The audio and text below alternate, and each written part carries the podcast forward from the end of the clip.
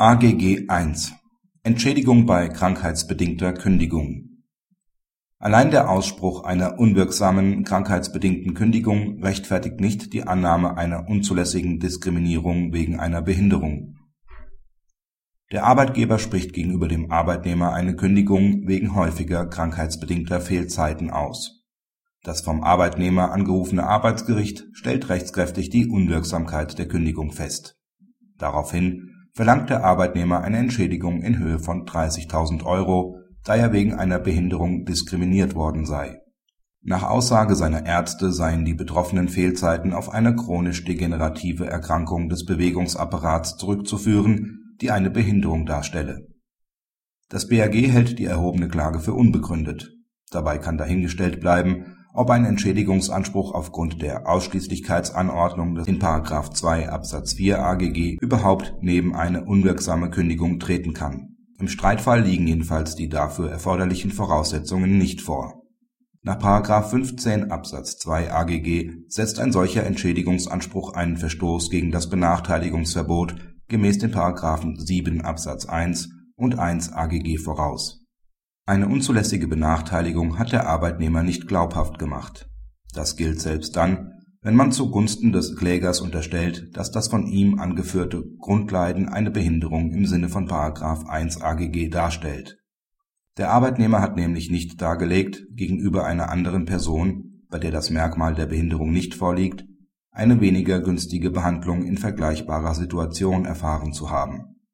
Es sind keine Anhaltspunkte dafür ersichtlich dass der Arbeitgeber gegenüber einem anderen, nicht behinderten Arbeitnehmer mit Arbeitsunfähigkeitszeiten in gleichem oder auch nur ähnlichem Umfang keine Kündigung ausspricht, ausgesprochen hat oder aussprechen würde. Ebenso ist nicht ersichtlich, dass der Arbeitgeber mit krankheitsbedingten Kündigungen überproportional behinderte Menschen trifft.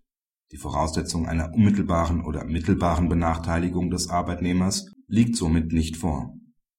Es ist auch nicht ersichtlich dass der Arbeitgeber mit Ausspruch der Kündigung an eine mögliche Behinderung des Arbeitnehmers anknüpfen wollte oder die Kündigung zumindest auch dadurch motiviert war.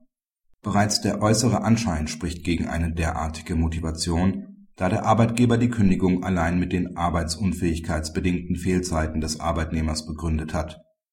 Ein gesetzliches Verbot, diese Fehlzeiten zur Grundlage der Kündigung zu machen, existiert nicht Allein der Umstand, dass der Arbeitnehmer Träger eines Diskriminierungsmerkmals ist, reicht für die Annahme einer unzulässigen Benachteiligung nicht aus, da grundsätzlich jeder Mensch, etwa durch sein Geschlecht, behaupten könnte, durch eine Kündigung Opfer einer Diskriminierung geworden zu sein.